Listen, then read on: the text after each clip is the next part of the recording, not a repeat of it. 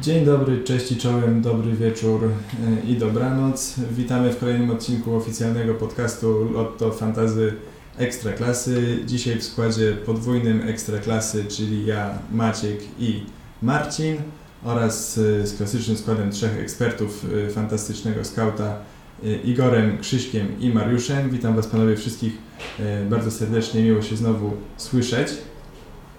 Zanim przejdziemy tradycyjnie do omawiania troszeczkę tego, co się działo ostatnio i tego, co przed nami, to przypominamy, że Fantazja Ekstraklasa jest y, dostępna pod ręką w każdej chwili w aplikacji Ekstraklasy.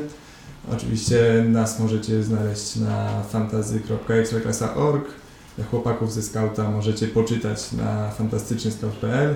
Zapraszamy też na Twittera, Facebooka, no i oczywiście jeśli słuchacie nas na Spotify'u, no to zapraszamy do zostawienia obserwacji i najlepiej jak najwyższej oceny naszego podcastu. A teraz już po ogłoszeniach i e, konkretnych tutaj e, zaproszeniach e, przejdźmy do gratulacji na chwilę dla lidera naszej klasyfikacji w tej rundzie Fantasy Ekstraklasy, czyli trenera Ula. Drugi tydzień z rzędu jako lider, obroniona pozycja, gratulacje. I tak samo Tosialdo w klasyfikacji sezonu czyli ta, która już obejmuje 27 pełnych kolejek, e, to Sialdo też utrzymał e, prowadzenie z 13 punktami przewagi nad Chicken Killers. Bardzo ładna nazwa, jestem fanem. Natomiast panowie, no jak, jak u nas w tym tygodniu? Marcin, ty rozbiłeś bank bez żadnych ławka punktuje, bez żadnych podwójnych kapitanów, 78 punktów. Dawaj od razu powiedz nam, co tutaj zagrało idealnie.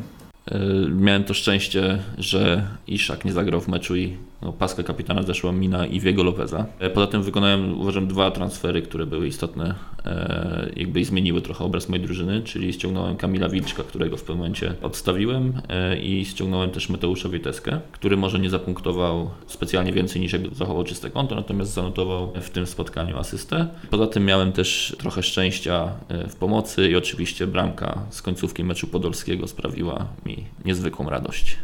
I to chyba, chyba tyle. Znaczy, w moim składzie nie ma zaskoczeń. E, jest raczej takim składem bardzo opartym o schemat podstawowy, czyli ja się opieram właśnie na Podolskim, na Szyszu oczywiście też.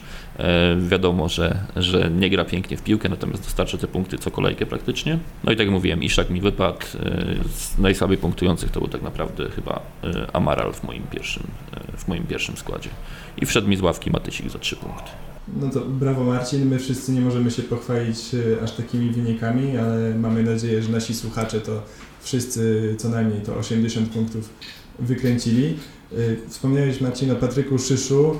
E, Krzysztof, co nam powiesz o tym zawodniku? Bo tutaj nieoczekiwanie Patryk stał się liderem tej edycji Fantasy Ekstraklasy, ma 52 punkty, za nim Wszołek 50 i Iwi Lopez 48. Y, no i z tego co pamiętam, to czy można Szysza traktować jak i twój trochę taki wyrzut sumienia, czy nie do końca? wyczuwam, wyczuwam tu prowokację.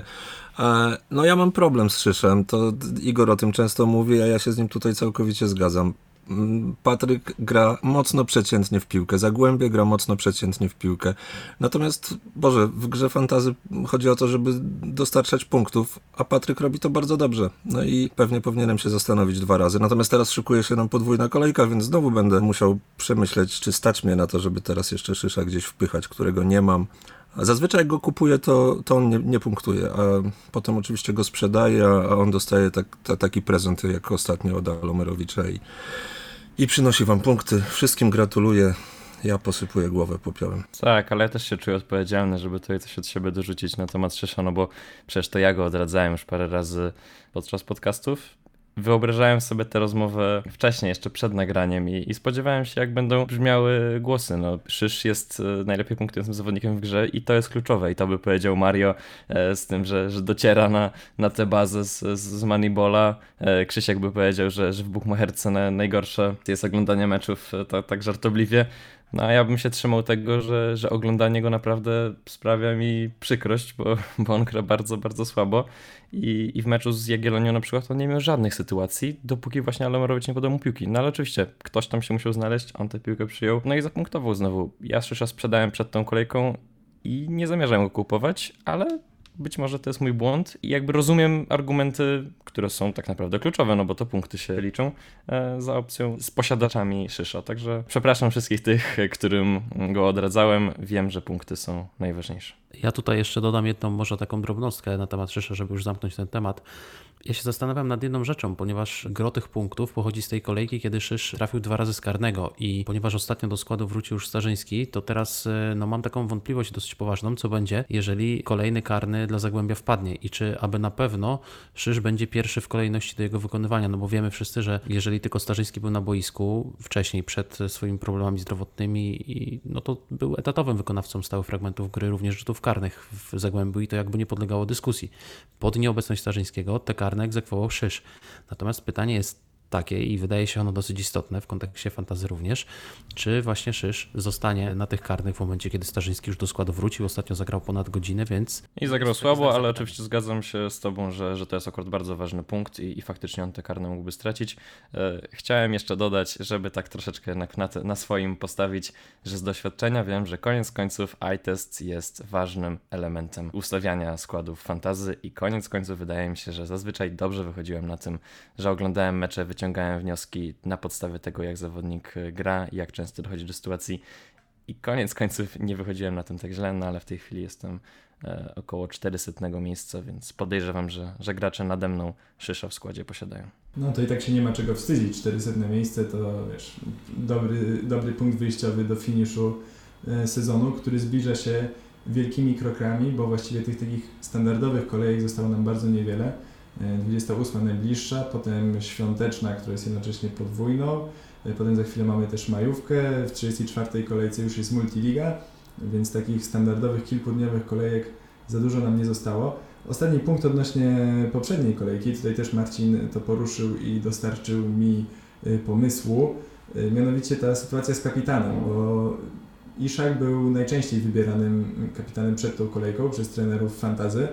Y, no i tutaj właśnie wchodzi ta rola wice. Mm, chyba już większego dowodu nie trzeba, że y, ten wice też musi być przemyślany i raczej lepiej jest nie wstawiać byle kogo, czy zostawiać tego przypadkowi. Y, ja miałem taką sytuację, że zdążyłem przed jeszcze startem w ostatnim odruchu zmienić właśnie na Iwiego, więc wyszedłem na tym, na tym do przodu.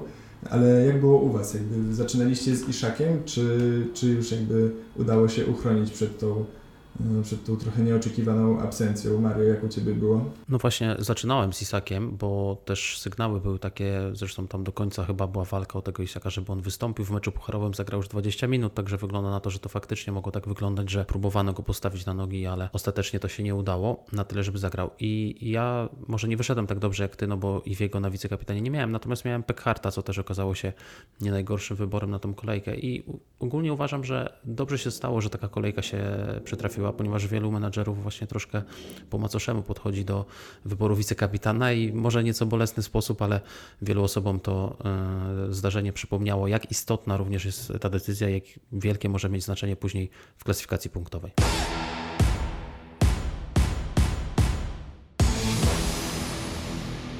No dobrze, to mam nadzieję, że wszyscy trafią z kapitanem bez żadnych przygód w 28 kolejce, która zaczyna się już w piątek.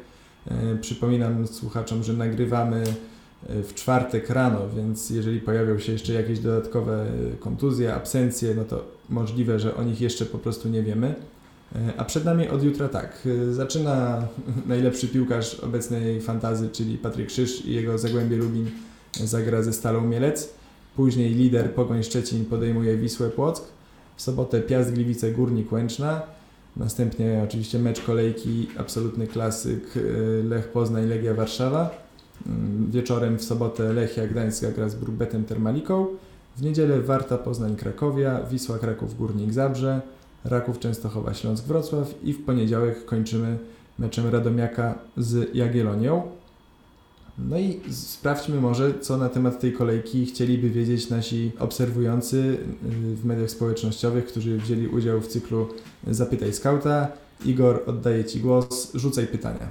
Rzucam pytania w ramach e, Zapytaj Skauta, natomiast niewykluczone, że dzisiaj będzie to wyglądało trochę inaczej i, i wyjdzie z tego takie zapytaj Krzyśka, bo do Krzyśka e, będzie skierowane dzisiaj kilka pytań, ponieważ większość z nich dotyczy m.in. drużyn, które grały w Pucharze, Rakowa czy Legii. Obie te drużyny powiedzmy należą do Krzyśka, jeśli chodzi o nasze przewidywania, także pozwólcie, że zadam mu dzisiaj kilka pytań i zacznę od razu od e, dwóch pytań dotyczących defensywy Rakowa. Pierwsze zadaje Tomasz Janszczyn i pyta o sytuację zdrowotną Niewulisa. Od razu podepnę pod to drugie pytanie mm, Zbigniewa, e, który pyta o to, którego obrońcę z Rakowa wybrać na następne kolejki. Lekko zdenerwowany, ale już odpowiadam.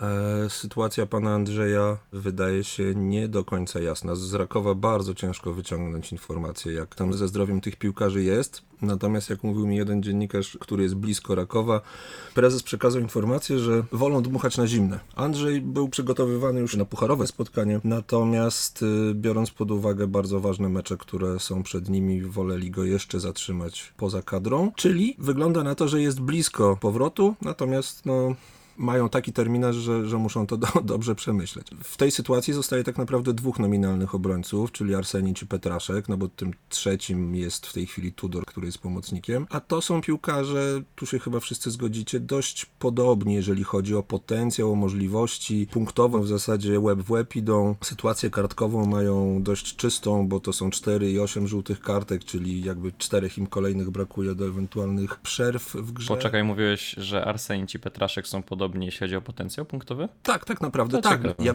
ja wiem, oczywiście y, jak Petraszek dochodzi do główek w polu karnym przeciwnika, to nam się wydaje, że zaraz będzie bramka, ale tak naprawdę Arsenicz ma 32 punkty, Petraszek 31 i Petraszek jest droższy o 0,3 E, no więc mo możemy się tutaj spierać, natomiast no, no, w tej chwili tak to wygląda w tabeli. Ja bym, ja bym stawiał raczej na Arsenicza ze względu na te 0,3, które będą potrzebne przy budowaniu składów na najbliższe bardzo ciekawe kolejki. To oczywiście ma sporo sensu. Podobnie punktującym, jeśli chodzi o defensywę Rakowa, e, jest e, Kowacewicz, no ale ostatnio tych punktów e, nie zdobył, ponieważ w meczu ligowym nie zagrał, więc zastanawiamy się razem z Piotrem Omegą, jak to będzie wyglądało w najbliższej kolejce. To pytanie zadam również Tobie. Krzyśku, dorzucę do tego pytanie o Abramowicza, to już tak osobno, ale też powinieneś coś na ten temat wiedzieć. To ja też się zastanawiam i chętnie usiądę i posłucham kogoś, kogoś mądrzejszego. Z Kowacewiczem sytuacja wygląda tak, że po pierwsze zagrał Trelowski, bo potrzebny był młodzieżowiec, e, bo wypadał Lederman za kartki. Później Trelowski grywa w pucharze, więc zagrał w pucharze. Jest w świetnej formie i teoretycznie mógłby zostać w składzie, natomiast wraca Lederman po pauzie za kartki, czyli ja bym zakładał, że Lederman wróci na boisko, a to pozwoli grać Kowacowiczowi na bramce. Głowy nie dam sobie uciąć, nie mam zielonego pojęcia jak będzie, natomiast pewna logika Papszuna zakłada, że Kowacewicz wróci do bramki. Ale to jest no, trochę wróżenie z fusów. Wiadomo też, że Lederman na boisku no, blokuje miejsca kilku fajnym pomocnikom. Ostatnio Gwilia wrócił do składu, bardzo fajnie się pokazał. No, Papszun ma naprawdę wiele możliwości ustawienia tego składu. Ja wczoraj w ramówkach Kowacewicza przewidywałem e, i prawdopodobnie tak będzie jutro, jeżeli nic specjalnego nie, się nie pojawi. To raz. Jeżeli chodzi o Abramowicza, z tego co rozumiem i z tego co widzieliśmy, czytaliśmy, wygląda na to, że ostatnia zmiana Abramowicza była taka czysto sportowa. Co prawda Szymon Janczyk pisał, że, że on tam miał jakiś drobny uraz na treningu, to, to wynika z fatalnych boisk, na, na których trenuje Radomiak, ale wydaje się, że zmiana była podyktowana tylko względami sportowymi. A biorąc pod uwagę, ile problemów w defensywie ma w tej chwili Radomiak, wypadł Jakubik już do końca sezonu, teraz Cichocki wypada za kartki. Ciężko jest to tam poskładać, więc wydaje się, że nic poważnego z Abramowiczem się nie dzieje, natomiast chętnie bym go zobaczył na jakichś zdjęciach, na przykład z treningu w Przasnyszu, ponieważ Radomiak musi trenować teraz w Przasnyszu. O. No właśnie, e, rozmawialiśmy i, i mówiłeś o tych drużynach, które grały w Pucharze. Mm, I jak rozumiem, nie spodziewamy się e, specjalnych e, rotacji w składach. E, o to pyta Leszek, czyli Ochojna 10. I to pytanie zadam Mariuszowi, bo też chętnie poznam jego zdanie, żeby, mm, żeby tutaj nie odpowiadała tylko jedna osoba. Mm, czy spodziewasz się jakichś rotacji właśnie w tych zespołach, które grały w Pucharze?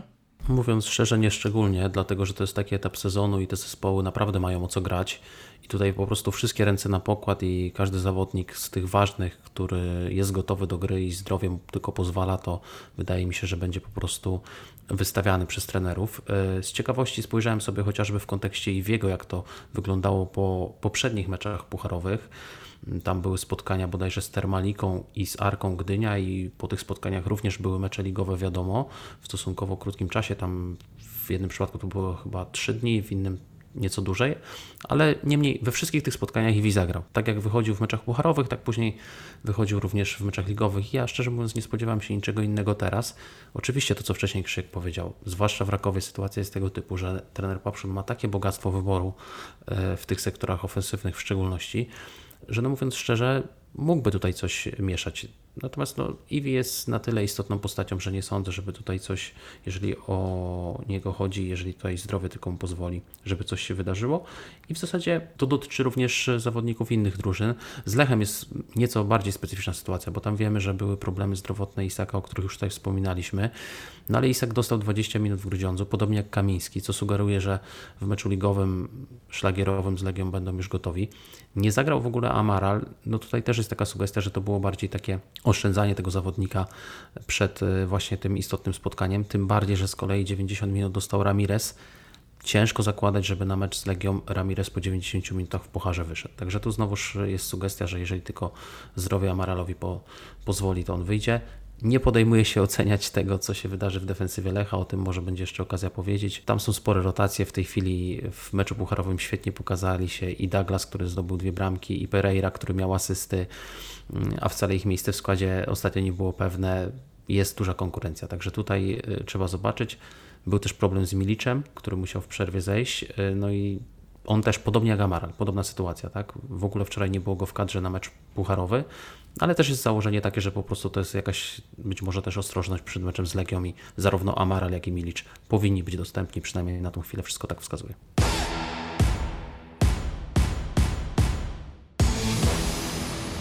No zostawmy w takim razie na chwilę e, temat e, Pucharu Polski, przejdźmy do kwestii być może mm, bardziej bieżących, przynajmniej myśląc o tym, co się wydarzy, czyli następnej kolejce, a właściwie też wszystkich następnych kolejkach, czyli tych, które do końca sezonu będą rozgrywane, bo o to właśnie pyta użytkownik Chomik Michał i pyta o to, kogo z tej trójki pomocników Podolski, Szysz, Kądzior rozważać, myśląc długoterminowo, czyli e, do końca sezonu i to pytanie zadam Marcinowi. Powiem tak, no ja mam dwóch tych zawodników w składzie i Kądziora co kolejkę rozważam, natomiast nigdy mi dla niego nie starczy miejsca. Dlatego ja e, rekomenduję w tym momencie jednak też tego Podolskiego, który tak naprawdę może nie grać super zawodów, natomiast liczba strzałów, które oddaje Podolski i jego aktywność w ofensywie tak naprawdę prędzej czy później przynoszą punkty. Patryk Krzyż, tak jak mówiliście, no może nie gra pięknie, dostarcza punkty. Co do Kądziora, no to bardzo bym powiedział w ogóle podobny typ tak naprawdę, który w ostatnim meczu no, wyglądał świetnie,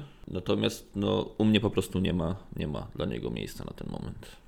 W przypadku Jasne. Szysza i Podolskiego warto tu jeszcze pamiętać o sytuacjach kartkowych, bo tak naprawdę Szysz jest o jedną kartkę od zawieszenia, więc kiedy Michał rozważa ich na dłużej, no to trzeba się z tym liczyć. Patryk nie jest zawodnikiem, który te kartki chętnie łapie, ale zawsze takie ryzyko istnieje. Podolski ma ich co prawda tylko sześć, ale z jego charakterem mam wrażenie, że on w każdym meczu jest blisko kolejnej, bo lubi skomentować wydarzenia boiskowe, więc też, też to z tyłu głowy warto gdzieś tam sobie trzymać. Tak, no mam nadzieję Marcinie, że nie masz mi za złe, że takie trudne pytania ci zadałem, no ale jako reprezentant nasz e, z Podolskim i Szyszem w składzie, e, no nie mogło być inaczej. To jest twój moment, punktujesz na nich i chciałem się dowiedzieć, jak na to wpadłeś i tutaj ci pogratulować e, tego mm, również. Drugie pytanie od chomika Michała jest, jest nieco prostsze, więc z przyjemnością sam na nie odpowiem. To jest ten plus osoby rozdającej pytania, że, że mogę sobie wybrać, które trafi do kogo. Mm, pytanie dotyczy zawodników z formacji obronnej, którzy kosztują mniej niż milion, e, mniej niż 1-0. Czy którykolwiek z nich ma szansę na minuty? No i odpowiedź jest, tak mi się przynajmniej wydaje, dość prosta. Oprócz Matysika za 0,6 to wydaje mi się, że naprawdę będzie ciężko. W pierwszym składzie czasami wychodzi Szymański z Górnika, no ale to tylko pod warunkiem, że e, wypadną pozostali środkowi obrońcy, a na razie się na to nie zapowiada, bo przerwy kartkowe już, e, jeśli się nie mylę, wszyscy odbyli, także na ten moment nie zapowiada się, żeby któryś z nich miał stracić miejsce w składzie, więc wtedy Szymański za 0,9 grać nie będzie i wydaje mi się, że nie warto takiego zawodnika kupować na ławkę, bo to zawsze można zaoszczędzić 0,4 w banku, a jeśli on ma i tak wyjść raz na 6-7 kolejek, to, to chyba po prostu szkoda pieniędzy. Zwrócił moją uwagę jeszcze Tabiś, ale to Krzyśku możesz mnie poprawić. Chyba też nie jest raczej zawodnik, który będzie dostawał więcej minut, prawda? Na Tabisia, na Tabisia bym nie wpadł, y, rzeczywiście dużo mniejsze szanse, natomiast jeżeli chodzi o Matysika, wybór rewelacyjny, tylko musimy poczekać na jasny sygnał, że ze zdrowiem Matysika wszystko jest w porządku. On y, doznał drobnego urazu, miał po kilku dniach wrócić do treningu, ale pytanie, czy będzie gotowy już na najbliższy mecz z Radomiakiem? Gdyby nie był, no to, to trzeba przeczekać, a później mają mecz z Pogonią, gdzie jest ryzyko, nawet taki tani zawodnik, tu już może złapać minusy, bo Pogoń, jak wiemy, raz na jakiś czas lubi sobie strzelić cztery bramki i wtedy się robią kłopoty. Także Michale, daj nam chwilę, jutro w przewidywanych składach podejmę się próby oceny, czy Matysik będzie już gotowy na najbliższą kolejkę. Czy ja mogę jeszcze jedną rzecz tylko dodać a propos e, szyszów podolskich kądziorów. Jeśli popatrzymy na tych trzech graczy, no to tak naprawdę jeśli weźmiemy pod uwagę ten eye test, no to kądzior z nich wygląda najlepiej. E, I to nie ma, nie ma dwóch zdań. Natomiast Podolski wydaje mi się, że jest taką gwarancją tak naprawdę w każdym meczu, szczególnie w kontekście tego, że nie ma Jimeneza. Wiadomo, że też on jest zagrożeniem trochę z kartkami, natomiast tak naprawdę prawie wszystkie akcje czy, czy, czy gole to są z jego, z jego udziałem, a ten górnik jadąc y, do Wisły Kraków. Nie powiem, żeby to był łatwy mecz. To będzie mecz, który raczej będzie, y, będzie otwarty bramkowo, więc w kontekście następnej kolegi to na pewno jednak Podolski.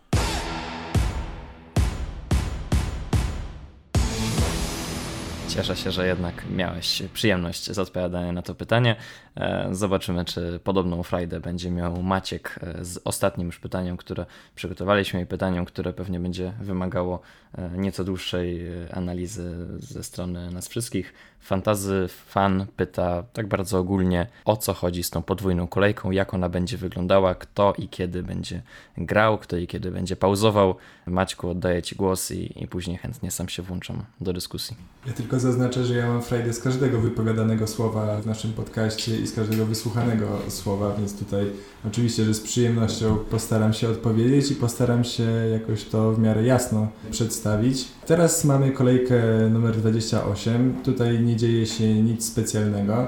Po meczach półfinałowych Pucharu Polski e, poznaliśmy też już konkretne daty meczów sobotnich i poniedziałkowych w 29 kolejce. To jest kolejka wielkanocna więc też będzie dosyć wyjątkowo. Pięć meczów w sobotę, cztery mecze w poniedziałek. Tradycyjnie w piątek i w Wielki Piątek i w Wielką Niedzielę wielkanocne nie gramy, co też warto pamiętać, że przesunie nam się deadline transferowy przed 29 kolejką, e, no bo dopiero w sobotę o 12.15 zostanie zamknięte to nasze e, okienko.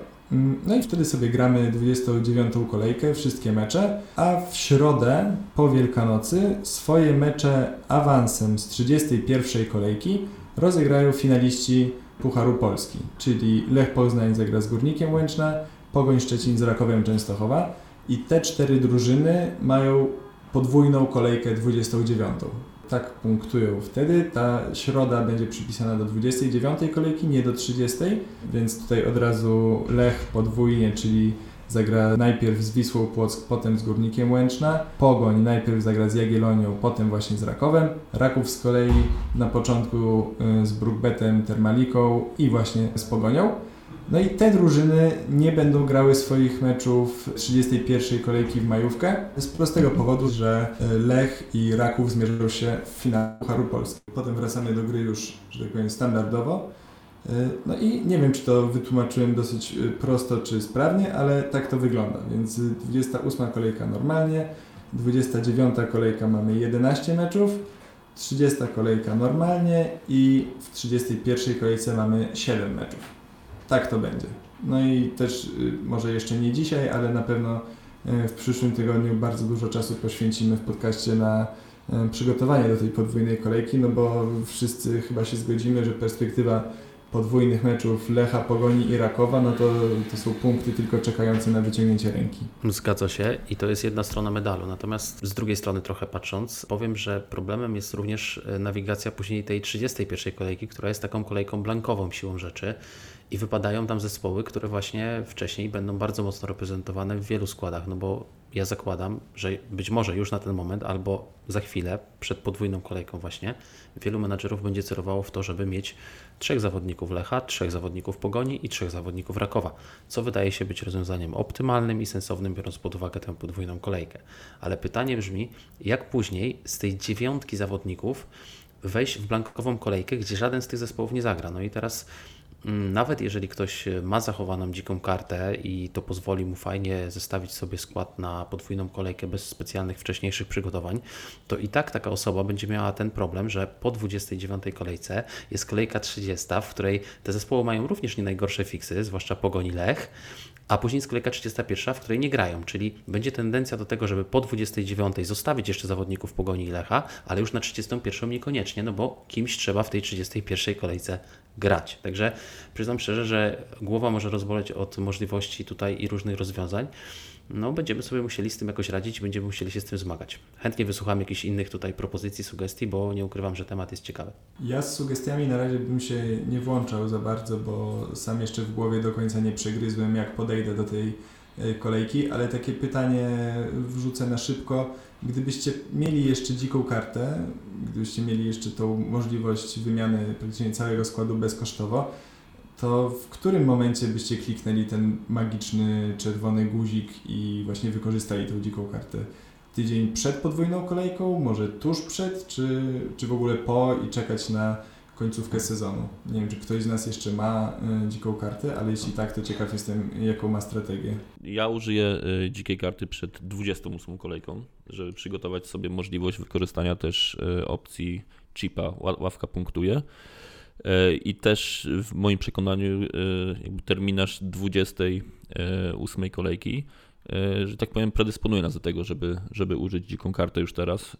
Wydaje się, że poza Lechem mamy dość jasną sytuację, jeśli chodzi o Pogoń i Raków, że są faworytami w swoich meczach. I wydaje mi się, że warto już teraz sobie nabudować skład. Wiadomo, że to jest jakieś ryzyko związane z kontuzjami, chorobami czy kartkami, natomiast wydaje się sensowne, żeby zrobić to już przed tą kolejką. Ja dziką kartę już wykorzystałem, więc nie będę się wypowiadał, e, kiedy powinno się ją użyć, bo wydaje mi się, że odkąd e, ją zagrałem dwie kolejki temu, to, to wcale nie idzie mi lepiej. E, przypomnę tylko naszym słuchaczom, że a propos bonusów, nie można ich łączyć. Nie można zagrać w tej samej kolejce dzikiej karty i na przykład ławka punktuje, albo w ogóle e, na przykład dwóch kapitanów i, mm, i ławka punktuje. No tego nie można łączyć, także trzeba to tak zaplanować, żeby w jednej kolejce zagrać e, dziką kartę, a dopiero przed w następnej e, któryś z bonusów. I to, o czym powiedziałeś teraz, Igor, jest argumentem za tym, że rozwiązanie przedstawione przez Marcina jest rozwiązaniem naprawdę ciekawym. I gdybym miał dziką kartę, to sam dosyć poważnie bym y, takie właśnie rozwiązanie rozważał, czyli zagranie tej dzikiej karty już teraz, po to, żeby móc z kolei w 29 zagrać y, jakiś bonus, tak? Czy kapitan w dwóch, jeżeli jeszcze ktoś ich zachował, czy ławka punktu, jeżeli ktoś ma. No ja zostałem tylko z tych wszystkich udogodnień z y, opcją ławka punktuje. No i ta 29 kolejka wydaje się być oczywistym dosyć materiałem do wykorzystania, chociaż, tak jak mówię, nie będzie łatwo wszystkich tych zawodników zmieścić, zwłaszcza, że w 30 chcielibyśmy jeszcze ich zostawić, za chwilę w 31 no, chcielibyśmy zagrać y, kilkoma zawodnikami, tak? A jeżeli 9 na 15 zawodników ze składu to będą zawodnicy, którzy będą blankować w 31, to ciężko sobie to wyobrazić, mówiąc szczerze.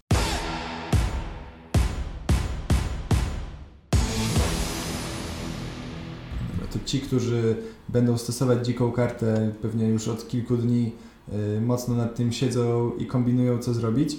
Y, czytaliśmy listę meczów 28 kolejki, wiemy, y, co przed nami, no ale chciałem Was zapytać konkretnie o mecz, no co tu dużo mówić, hit i mecz, który w ostatnich latach co roku rozgrzewa naszą piłkarską ligową scenę, czyli Lech Poznań Legia Warszawa.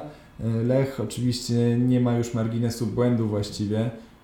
Będą wprawdzie znać Lechici wynik pogoni z piątku, z meczu z Płockiem, ale no, jeśli Lech chce nadal mieć w zasięgu i walczyć o ten dublet na stulecie, no to musi e, Legię pokonać, która z kolei po pożegnaniu z Pucharem Polski no, ma jeszcze matematyczne szanse, żeby zająć czwarte miejsce w lidze. Ta strata nie jest jakaś ogromna, jednak na 7 meczów e, do końca. Mm, no ale jest takie poczucie troszeczkę też nawet w wywiadzie pomeczowym y, Mateusza Wieteski, że no tą ambicję będą musieli gdzieś znaleźć, bo nie grają już ani o żadne trofeum. Stracili szansę i na Puchar Polski, i na Mistrzostwo Polski. No i czy tutaj to stawia nam Lecha w takim świetle jeszcze większego faworyta, czy może ten mecz jednak właśnie może być taką trochę skórką od banana dla kolejorza, bo znamy formę Legii w tym roku, która jest bardzo dobra. Lech, szczerze mówiąc, nie wiem jak to wygląda konkretnie w statystykach, ale dla mnie troszeczkę wiosna wygląda jednak gorzej niż, niż jesień. No i czy tutaj stawiamy na sześciu, czy stawiamy konkretnie na jedną drużynę? Marcin, Ciebie jeszcze trochę pomęczę, no bo przy dzikiej karcie będziesz pewnie to musiał mocno sobie e, rozkminić. Jeśli chodzi o Lech Legia, e, wydaje mi się, że warto wziąć też pod uwagę ten mecz e, Pucharu Polski, który, który mecze Pucharu Polski, które mieliśmy w tygodniu. Lech tak naprawdę, można powiedzieć, to może nie do końca spacerek, ale to nie był e, trudny mecz e, dla Lecha. I jakby problemem w Poznaniu są, e, są sprawy związane z kontuzjami zawodników i absencjami. Jeśli, jeśli Iszak e, i Karcztem pewnie już też będzie w pierwszym składzie e, i Kamiński pojawią się, to, to wydaje mi się, że jakby po pierwsze oni będą wypoczęci, po drugie, w Poznaniu to jest mecz tak naprawdę, no może nie na równi e, ze zdobyciem mistrzostwa, natomiast jest takim krokiem milowym w kierunku tego mistrzostwa, które w moim przekonaniu rozstrzygnie się w meczu Pogoni z Rakowem. I jeśli chodzi o tą kolejkę, no to ja zdecydowanie stawiam na jakby zawodników Lecha, na Iszaka, na pewno e, na Marala i na mojego ulubionego zawodnika, czyli, czyli Reboczo. I to też w kontekście wszystkich kolejek do tej blankowej kolejki. No I to chyba, chyba tyle, co, co chciałem odnośnie tego meczu powiedzieć. Ktoś wystąpi z argumentami za Legią Warszawa? Ciężko, ciężko tutaj bronić y, Legii tak naprawdę. Tu, tu znowu jest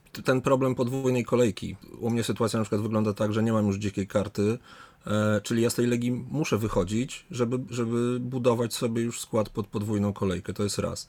Dwa, że Legia dostała bardzo mocno fizycznie w kość. To, co mówi Marcin tak naprawdę. Lech no, mógł na większym luzie zagrać, kilku zawodników mogło odpocząć, są przygotowani do tego, mają zupełnie inny poziom motywacji. Piłkarsko może to nie wygląda jakoś rewelacyjnie ze strony Lecha, Legia na pewno gra lepiej na wiosnę i tak dalej, i tak dalej, natomiast Legii uciekł Puchar Polski, Slisz schodził z boiska, jakby miał zaraz zostać podpięty do kroplówki. Podejrzewam, że inni zawodnicy też dostali mocno w kość, czyli okoliczności tych wydarzeń plus podwójna kolejka, wydaje się, że z Legii trzeba uciekać, ja to planuję. Plus wypadł jeszcze Wszołek, który był bardzo ważnym Plus wypadł Wszołek, tak. ofensywnym, tak. więc e, wydaje się, że rzeczywiście ten kierunek ucieczki z zawodników Legii, zwłaszcza przed takim meczem w Poznaniu, jest kierunkiem właściwym. Czyli mamy klasyczny mecz pułapkę, skoro wszyscy jesteśmy zgodni co do tego, że to Lech jest tutaj e, faworytem, to pewnie zdarzy się mecz pułapka. I nie powinniśmy dawać e, Szysza na kapitana, bo gra pierwszy mecz w piątek. Dokładnie. Tak, to już ostrzegaliśmy kilka razy naszych słuchaczy, znaczy ostrzegaliśmy, czasem nie ma wyboru, tak, ale jednak to ryzyko, kiedy kapitan gra w piątek, ryzyko zepsutego weekendu jest ogromne y, i wiem, że wiele osób się tego wystrzega. Y, szczerze mówiąc, y, mój kapitan w tej kolejce w piątek na pewno nie zagra, ale to o kapitanach porozmawiamy chwilę na sam koniec dzisiejszego spotkania. Mm, ten mecz, tak jak Marcin mówił, no, o mistrzostwie nie przesądzi, ale może też dać e, Lechowi bardzo dużego kopa, e, pewnie większego niż sam awans do finału Pucharu Polski. No, a z drugiej strony ewentualne potknięcie może też e, troszeczkę jednak wrzucić tego piasku w oczy ekipie i trenerowi Maciejowi Skorży. Mm, drugi taki mecz, który z historycznego punktu widzenia na pewno byłby E, bardzo ciekawy. Łącznie 27 mistrzostw Polski na koncie Wisły Kraków i Górnika Zabrze.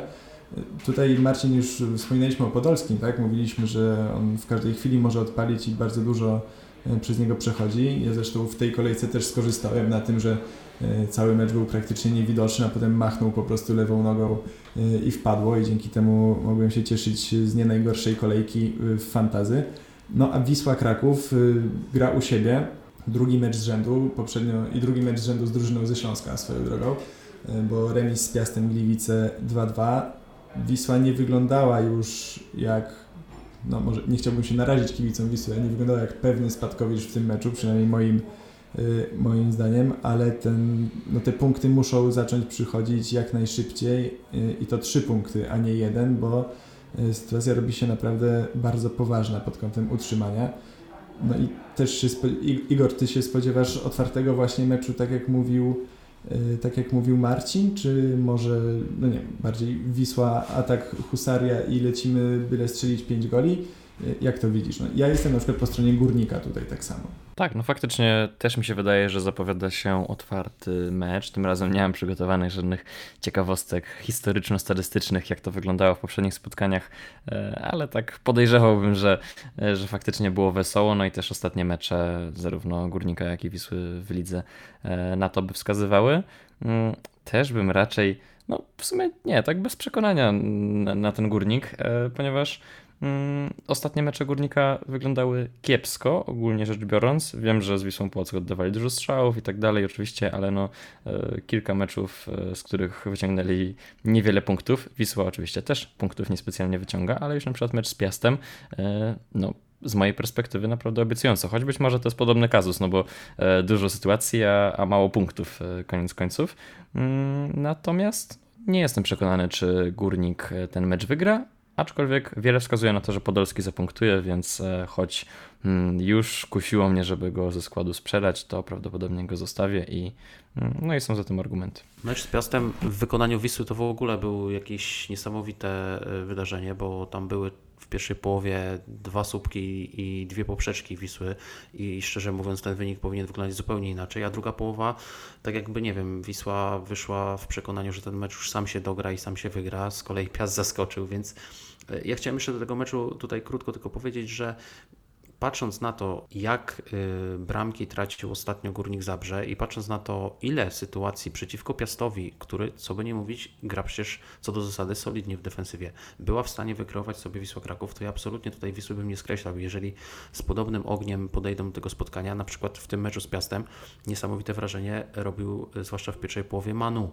który, no to, że on nie za zakończył tego spotkania z jakimiś punktami na koncie, to jest dla mnie jakąś olbrzymią zagadką, ponieważ y, facet był wszędzie i zwłaszcza w momencie, kiedy zamienił się skrzydłami z Sawiczem, to naprawdę wszystko, co trafiało do niego, miało znamiona czegoś bramkowego dla Wisły. Także tutaj tylko pytanie, na ile w kontekście podwójnej kolejki za chwilę będziemy tutaj rozważać. Tak? Jeżeli ktoś rzeczywiście szuka jakiejś mega różnicy, no to Manu, który jest klasyfikowany jako napastnik, moim zdaniem po tym, co pokazał w meczu z Piastem, ma potencjał na to, żeby te punkty przynieść. Tutaj tego nie widzieliście, ale Marcin rzuca kubkami i szklankami o ścianę, bo on chciał pochwalić Manu i tutaj y, wyciągnąć ten y, diamencik z kieszeni y, niespodziewanego zawodnika. Wyprzedziłeś go Mario, gratulacje, ale to tylko potwierdza, że Manu grał naprawdę dobrze, jeżeli aż dwóch naszych ekspertów zwróciło na niego wyraźną uwagę. Igor, nie masz statystyk, to ja szybko podrzucę jedną. Y, w trzech ostatnich meczach u siebie z Górnikiem Wisła Kraków nie straciła nawet jednego gola. Biorąc pod uwagę mecze u siebie i na wyjeździe, to są cztery mecze bez straconego gola z Górnikiem. Y, no, było po, przedłużenie tej serii byłoby myślę jednak zaskoczeniem, ale zobaczymy, jakby tak jak widzimy y, argumenty są za obiema drużynami, no i szykujemy się na bardzo ciekawy mecz. Mariusz, do Ciebie mam pytanie na temat Krakowi, ponieważ mm, mamy ośmiu wykartkowanych w tej kolejce. Może przy okazji przejdźmy całą listę. To jest Mateusz Grzybek z Brugbetu Termaliki, Kornel Rupa z Krakowi, Rodin z Krakowi, Siplak z Krakowi, Manek z Górnika Zabrze, Pospisil z Jagiellonii, Abraham i Cichocki z Radomiaka. No i właśnie ta Krakowia bez trzech swoich zawodników, y, wszystkich właściwie defensywnych, jedzie do Grodziska zagrać z Wartą, do której składu wróci z Relak, y, która może nie zachwyciła nas jakoś w poprzednim tygodniu, no ale tak jak mówiliśmy w zeszłym tygodniu czy dwa tygodnie temu o Luisie czy o kilku zawodnikach Warty, to czy tym razem jeszcze bardziej byś na nich stawiał, właśnie biorąc pod uwagę osłabienie Krakowi? Na pewno te osłabienia Krakowi są istotne, bo zwróćmy uwagę, że to są trzej zawodnicy defensywni to są ważni zawodnicy defensywni, tacy, którzy z dużym prawdopodobieństwem, gdyby byli dostępni, to byliby w pierwszym składzie. E, to pewnie spowoduje e, być może zmianę ustawienia. Mm, tak należy zakładać, bo trener Zieliński nie ma tam już zbyt wielu opcji na środek, więc Krakowia prawdopodobnie przejdzie na czwórkę z tyłu. Jak to się przekłada na ten mecz? E, szczerze mówiąc, mam trochę mieszane odczucia, bo Warta owszem zaprezentowała się ostatnio przeciętnie, natomiast nie możemy zapominać, że grała z Rakowem, który no, jest na zupełnie innym poziomie jednak niż, niż Krakowia. E, Krakowia też ostatnio jakoś specjalnie nie przekonywała, więc w kontekście tego, co wspomniałeś o Zrelaku, tutaj też jest jeszcze drobny znak zapytania, bo mm, pauza kartkowa swoją drogą, natomiast tam była też kwestia tego, że Zrelak miał jakiś drobny uraz.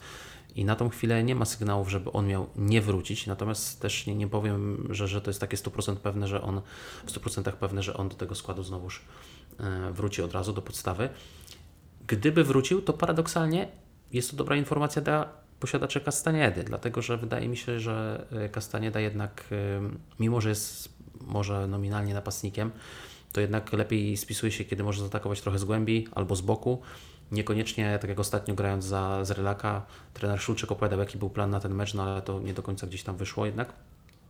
Także tu Castanieda, Miguel Luis, wydaje się, że przy tych osłabieniach defensywnych Krakowi są jakimiś opcjami, tylko jak na złość yy, ta formacja, czyli formacja pomocy jest dosyć mocno obsadzona w naszych składach i pytanie, czy ktoś będzie chciał tutaj zawodników z Warty wciskać, zwłaszcza w kontekście tej podwójnej kolejki, o której cały czas mówimy, do której cały czas wracamy. Wiem, że to może się wydawać nudne, ale to ma olbrzymie znaczenie, bo ona jest już za chwilę. Mamy tam zawodników dobrych zespołów. No, To, że powtarzamy, uważam, że to jest y, bardzo słuszne, bo jednak przygotowując się do tej kolejki, mm, pamiętajmy, że w około 10 czy nieco więcej y, dni Lech, Górnik, Łęczna, Pogoń, Szczecin, Raków, Częstochowa rozegrają trzy mecze, łącznie z tą 28 kolejką, która zacznie się już jutro. No więc jakby nie możemy tego wyłączyć z równania moim zdaniem. Mm, I radziłbym wszystkim trenerom, żeby też mieli to w głowie, bo y, słabo będzie później y, zorientować się, że o kimś zapomnieliśmy, czy o którejś drużynie zupełnie zapomnieliśmy. Jeśli macie jakieś mecze jeszcze, które Was tutaj zainteresowały, w których widzicie mocny potencjał punktowy, to serdecznie zapraszam, żebyście się zgłosili. Od siebie jeszcze dorzucę na chwilkę e, sytuację z meczu Pogoń Szczecin-Wisła Płock, ponieważ Płock e, z dubletem Sekulskiego przeciwko Górnikowi, trzy gole strzelone. Pogoń Szczecin siódmy raz w tym sezonie już y, zaaplikowała rywalom co najmniej cztery trafienia.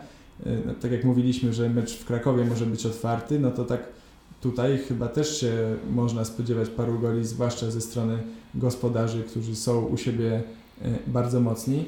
Czy ktoś w ogóle będzie stawiał na Wisłę Płock, nie wiem, właśnie Sekulskiego, y, kogokolwiek z ich ofensywnych y, linii, czy jednak trzymamy się lidera, bo lider to lider i będziemy go też wykorzystywać oczywiście w podwójnej kolejce. Igor, jak, jak u Ciebie? Wiesz co, no ja nie będę stawiał na nikogo z Płocka, ponieważ nikogo nie mam. Finalnie e, wcześniej myślałem o tym Wolskim, ale, ale nie wyszło wcale, wcale źle, skoro on e, wypadł przed meczem z Górnikiem. Mm, I będę stawiał na Pogoń. Prawdopodobnie dokupię sobie nawet tego Grosickiego, również z myślą o podwójnej kolejce. Natomiast jest to jeden z kilku takich tricky meczów, moim zdaniem, w tej kolejce. E, no, bo Wisła Płock tak naprawdę po zmianie trenera gra naprawdę dobrze i oczywiście no Pogoń to jest taka marka, która e, nie powinna mieć większych problemów w domowym meczu z Wisłą, ale mm, no, trzeba zauważyć, że, że Wisła Płock naprawdę e, gra nieźle i, i to jest ważny mm, argument w tej kwestii i właśnie wydaje mi się, że kilka jest meczów takich, które wydawałyby się e, być może proste, a, a takie się do końca e, nie okażą. Mm, I, I tutaj też no, nie chcę oczywiście o wszystkich opowiadać, bo to, bo to wyszłoby długo i, i część tych tez byłaby być może kontrowersyjna, ale chociażby, nie wiem, zmiana trenera w Górniku Łęczna, no zawsze jest e, impuls i może się okazać, że Gliwice mm, po nie najlepszym w sumie meczu z Wisłą Kraków mm, będzie miał jakieś problemy. Lechia zagra z Termaliką. Termalika ostatnio, ok, okay, dwa remisy, ale grała naprawdę dobrze i naprawdę w obu tych meczach e, wyglądała lepiej od swoich rywali, a Lechia gra raczej w kratkę. E, najłatwiejszy wydaje mi się mecz Rakowa ze Śląskiem, ale też mogę się oczywiście mylić, no może się okazać, że tu się Śląsk postawi. Z Lechem wcale, wcale Śląsk źle nie wyglądał, no ale tak jednak e, ten mecz mi się wydaje taki najprzyjemniejszy, jeśli chodzi o, o, o to, jakbym miał obstawić, kto, kto wygra po prostu do spotkania, no to bym stawiał na Raków. No i również ten poniedziałkowy Radomiaka z Jagiellonią. Ja ostatnio się nastawiłem, że Radomiak zacznie dobrze grać, no a właśnie został zdominowany przez, przez Termalikę i Jagiellonia po swoim e, powrocie do, e, do, do formy, być może, no to oczywiście bardzo taka ambitna mm, teza, no ale, ale być może te, te dwie bramki strzelone w końcówce meczu z Zagłębiem e, jakieś takie przełamanie im pozwolą zrobić.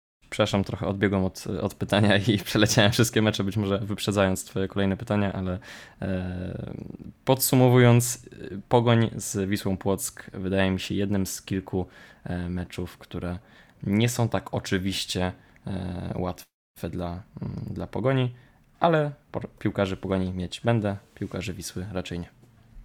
To nie będzie miało wpływu na moje wybory personalne, natomiast y, jeżeli chodzi o Płock, trzeba pamiętać o dwóch rzeczach. Po pierwsze, Płock w domu i Płock na wyjeździe to są dwa różne zespoły, nawet pod nowym trenerem. E, a druga sprawa, że, że Wisła Płock była nieprawdopodobnie skuteczna w tym meczu z Górnikiem. Oni oddali chyba cztery celne strzały, może tam piąty jeszcze gdzieś się pojawił w końcówce, o którym teraz zapomniałem, e, i trzy bramki wpadły. I tak naprawdę sam Urban mówił, i, i mówił moim zdaniem celnie, e, my graliśmy w piłkę, a Płock strzelał bramki. No tak wyszło, tak się zdarza, natomiast no, mecz w Szczecinie to, to jest zupełnie inna historia i Mm, biorąc pod uwagę jeszcze podwójną kolejkę, inwestować w chłopaków z Płocka, no to, to trzeba być mocno chyba zdesperowanym. Aczkolwiek y, patrząc na moją sytuację w mini tabeli, to, to ja do takich powinienem należeć, więc, więc może brzmieć to, brzmieć to intrygująco. E, skoro Igor natomiast wspomniał o Jagiellonii, to y, ja bardzo chciałem z tego miejsca pozdrowić pana Andrzeja Trubechę, ponieważ jego bramka sprawiła mi ogromną radość i to, że Jagiellonia strzela wreszcie bramki napastnikami to jest, to jest wielka frajda. Terminarz niespecjalnie pozwala, żeby im zaufać, ale, ale ten, ten Hiszpan tak naprawdę, kto wie, czy, e, czy, czy to nie jest tak, że e, trener Nowak znowu buduje sobie napastników na, na te ostatnie kolei, które też dla, dla Jagiellonii będą istotne. Warto, warto się przeglądać, chociaż mówię, kalendarz jest, jest trudny. A propos budowania napastników, ja od siebie dodam tylko jeden konkret, yy, nazwisko Zwoliński. Trzy bramki w czterech ostatnich meczach. Legia rzeczywiście, jak słusznie zauważył Igor, gra w kratkę. Tak, Termalika gra rzeczywiście naprawdę nieźle ostatnio, natomiast Termalika systematycznie traci bramki. Jeżeli ktoś w Gdańsku ma zdobywać bramki dla Lechi, to prawdopodobieństwo tego, że będzie w to zamieszany mniej lub bardziej Zwolak jest stosunkowo wysokie, dlatego to może być taka sugestia konkretna, personalna, gdyby ktoś poszukiwał jakiegoś wyboru na tę kolejkę do ataku. Właśnie o sugestie konkretne, personalne e, chciałbym zapytać Marcina ponieważ y, Mariusz Ci ukradł Manu, e, a kogo właśnie byś polecił z takiego powiedzmy drugiego, trzeciego, może nawet czwartego szeregu zawodników e, właśnie takim desperatom, którzy muszą szukać punktów w niespodziewanych miejscach e, i kogo byś miał na takim radarze, może kogoś, kto nie jest faworytem w tej kolejce albo nie przewinął się jeszcze w tej rozmowie, a przyjrzałbyś mu się ze względu na jego grę? Szczerze powiem, że ja po prostu ustawiam już e, zespół pod e, tą kolejkę podwójną. E, natomiast uważam, że podjąłem słuszną decyzję na początku tej edycji i postawiłem w bramce na placha. I, i, i cały czas się tego trzymam. To jest dobre rozwiązanie. I wydaje się, że w kontekście meczu z Górnikiem Łęczną u siebie to jest też zawodnik istotny. Dołożyłbym do tego być może obrońcę któregoś, któregoś z Piasta, być może Czerwińskiego I to chyba, chyba tyle z takich nieoczywistych rzeczy. Kiedy rozmawiamy o, o defensywie mm, Piasta, to, to jedno nazwisko się tutaj pojawia, które się pojawiało już wcześniej, to jest Ariel Mosur. E, wczoraj, kiedy mm, Mariusz zbierał e, nazwiska do kapitanów, do, do, do tekstu o kapitanach, ja powiedziałem o Arielu Mosurze bo to jest opcja bardzo desperacka, natomiast, y, natomiast wydaje się stosunkowo ciekawa. Nie wiadomo, jak zareaguje Łęczna oczywiście na, e, na odejście Kieresia, natomiast y, Piast u siebie rzeczywiście ma, ma pewne szanse na zachowanie czystego konta, a Ariel Mosur e, regularnie zamyka długi słupek przy wszystkich rzutach rożnych. Jedną bramkę udało mu się strzelić, natomiast on dochodzi cały czas do sytuacji. Ja wiem, że to jest pomysł mocno szalony, Natomiast ufam, że w tym szaleństwie może być metoda. E, aczkolwiek muszę uczciwie przydać, że nie wiem, czy mi starczy miejsca przed podwójną kolejką, żeby na taki desperacki ruch się zdecydować.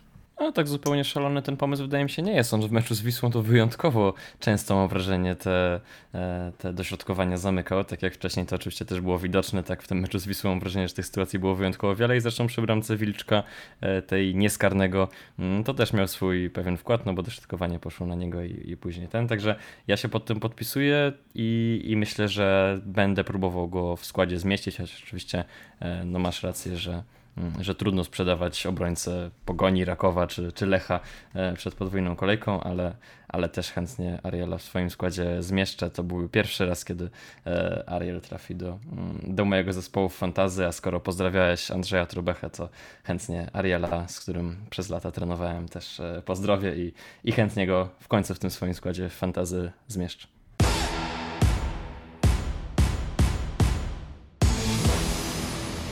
No, też uważam, że to nie jest zbyt szalony pomysł. Yy, Ariel jest obecnie drugim najlepiej punktującym obrońcą w tej edycji, łącznie szóstym najlepiej punktującym zawodnikiem.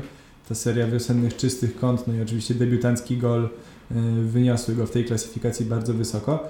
No ale tak jak mówicie, jest to jakieś ryzyko i na pewno nie można go jeszcze uznać za jakiegoś pewniaka, pewniaka do składu, a właśnie do pewniaków chciałbym przejść, do zawodników, których na pewno będziecie mieli w swoim składzie, może zawodników, których na pewno sprowadzicie do swojego składu, no i jak szykuje Wam się sytuacja z kapitanem przed tą 28 kolejką, powiedzmy, że ostatnią normalną kolejką na jakiś czas czterodniową. Nie pamiętam od kogo zaczynaliśmy tydzień temu, więc nie będzie może zbyt sprawiedliwe, ale tym razem bym zaczął od Krzysztofa. Na kogo na pewno stawiasz i kto ma opaskę? Miał mieć Mosur, ale rzeczywiście mówię, mogą się zrobić problemy związane z transferami. Mm, nazwisko, które powinno się pojawić w moim składzie już pod podwójną kolejkę, to Grosicki, którego wcześniej nie miałem i w jego mam, więc, więc w tym składzie będzie. Poważnie myślę nad, y, nad powrotem Kądziora do składu, którego oczywiście sprzedałem, jak, jak zaczął przynosić punkty. I jeśli chodzi o opaskę, to chyba najbliżej mi rzeczywiście w tym momencie do, do Kamila Grosickiego. E, z tyłu głowy jeszcze siedzi Iwi Lopez. Tak jak mówił Mario, jesteśmy na takim etapie mm, rozgrywek, że, że nie wyobrażam sobie, żeby on nie zagrał. Natomiast y, no zawsze istnieje ryzyko, że, że to nie będzie pełne 90 minut, tylko na przykład 60, więc najbliżej mi do Grosickiego, jeżeli chodzi o opaskę. To pójdźmy dalej, pójdźmy y, tropem y, rodzinnym. Igor, kto u Ciebie pewniakiem? Wiesz co, no też prawdopodobnie e, kupię Grosickiego, wyleci najprawdopodobniej Jozuę, którego ostatnio do składu wziąłem, także, także no nieudany transfer. Zakładałem, że z, e, w tym poprzednim meczu uda mu się zapunktować, no ale tak się, mm, tak się nie stało, więc, więc prawdopodobnie wskoczy e, Grosicki. Mm, no podobnie tutaj widzę, że e, zostaje w rodzinie. Też e, waham się, czy właśnie Iwiemu mm, opaskę powierzyć. Mm, to jest tak, że logika podpowiada, że on zagra, ale no jednak mm, z tyłu głowy zawsze jest e, ten stres, że, że może się okazać, że, że nie wystąpi. Gdybym miał pewność, że na przykład wtedy Wdowek zagra, to pewnie mu dałbym opaskę, no bo Wdoweka też w składzie mam, no ale wcale to takie proste nie jest, także Także no mam tutaj spory zgryz. Grosicki na kapitana aż tak przekonany nie jestem, no ale, e, ale będę to na pewno Mm, rozważał. Jeśli chodzi o pewniaków, no to jeszcze, jeszcze ten Mosur mi się bardzo podoba. Jako, że mam w składzie Niewulisa, o którym, mm, o którym e, rzecznik e, Rakowa pisał, że, że no walka z czasem trwa, to oczywiście już o tym mówiliśmy, ale, mm, ale nie wiem, no ten, ten wpis twitterowy jakoś mnie nie, nie zachęcił do, do zatrzymywania Niewulisa w swoim składzie.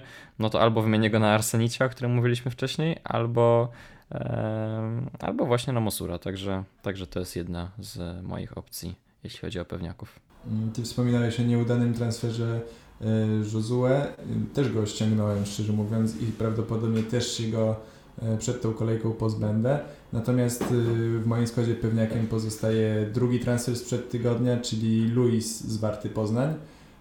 Na fali dubletu, jeśli dobrze pamiętam, trafił do mojego składu troszeczkę to nie wyszło w zeszłym tygodniu, ale dam mu jeszcze szansę właśnie przeciwko osłabionej Krakowi. Mam nadzieję, że to się uda. A z pozostałymi nazwiskami też, y, no właśnie przy tej ciążącej nam nad głowami już podwójną kolejką y, nie będzie zaskoczenia. Na pewno w moim składzie znajdą się y, Lopez czy Iszak na przykład. Tutaj troszeczkę ryzyka, ale, ale zamierzam je podjąć, zwłaszcza, że mam Mesanowicia na ławce, który ostatnio z ławki fajnie mi też tego Iszaka zastąpił. A odnośnie kapitana, kusi mnie Podolski. Nie wiem dlaczego i nie wiem, czy sam sobie ufam w tej kwestii, ale, ale jeszcze mu w tej, w tej edycji jeszcze mu opaski nie dawałem. E, Lubię tą właśnie jego trochę nieobliczalność, że znikąd ma tylko piłkę na lewej nodze i od razu strzela. Mm, W meczu z Brookbetem parę tygodni temu oddał bodajże 10 czy 9 strzałów, więc to było mm, no, prawdziwa kanonada w jego wykonaniu. E, A ta Wisła myślę, że jednak też przed własnymi kibicami będzie troszeczkę na takiej fali e, entuzjazmu ofensywnego, co może się na niej trochę odbić właśnie kontrami czy jakimiś e, innymi sytuacjami, z których górnik może skorzystać. Więc tak to jest u mnie, a jak to jest Marcin u Ciebie? No u mnie na kapitanie w tej kolejce e, będzie Iszak, co jest dość dużym ryzykiem i na wicekapitanie e, Lopez, czyli tak naprawdę zostawiam układ z poprzedniej kolejki. Uważam, że Iszak wyjdzie i w pierwszym składzie i, i z pewnością coś strzeli. No i to tyle tak naprawdę, jeśli chodzi o kapitanów. Prosto i do celu. Mario, to na Tobie ciąży odpowiedzialność, żeby nas zaskoczyć. Ja nie zaskoczę, ale będę konsekwentny. Grosicki, Iwi i uwaga, Szysz. A na kapitanie prawdopodobnie Grosicki, ale będę jeszcze nad tym się zastanawiał. No dobra, no to wiemy już właściwie e, wszystko. Wszystkim oczywiście życzymy jak największych punktów i samych strzałek zielonych do góry w ligach prywatnych.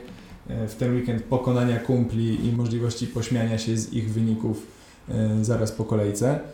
No i podejrzewam, że jak się tutaj e, rozłączymy, pożegnamy, no to już od razu nie tylko 28, ale i o tej podwójnej 29 kolejce będziemy myśleć a znacznie więcej o niej porozmawiamy i opowiemy za tydzień. Mm, Dziękuję bardzo panowie. Y, Mam nadzieję, że był to całkiem w porządku spędzony czas. Y, Dziękuję Marcinowi wszystkim y, chłopakom z Fantastycznego Skauta, a użytkowników oczywiście zapraszamy do śledzenia nas we wszystkich kanałach, gdzie jesteśmy, no i do dołączenia do naszej ligi podcastowej. Dokładnie taka jest nazwa i, i zapraszamy do rywalizacji. Dzięki panowie, do usłyszenia. Dzięki.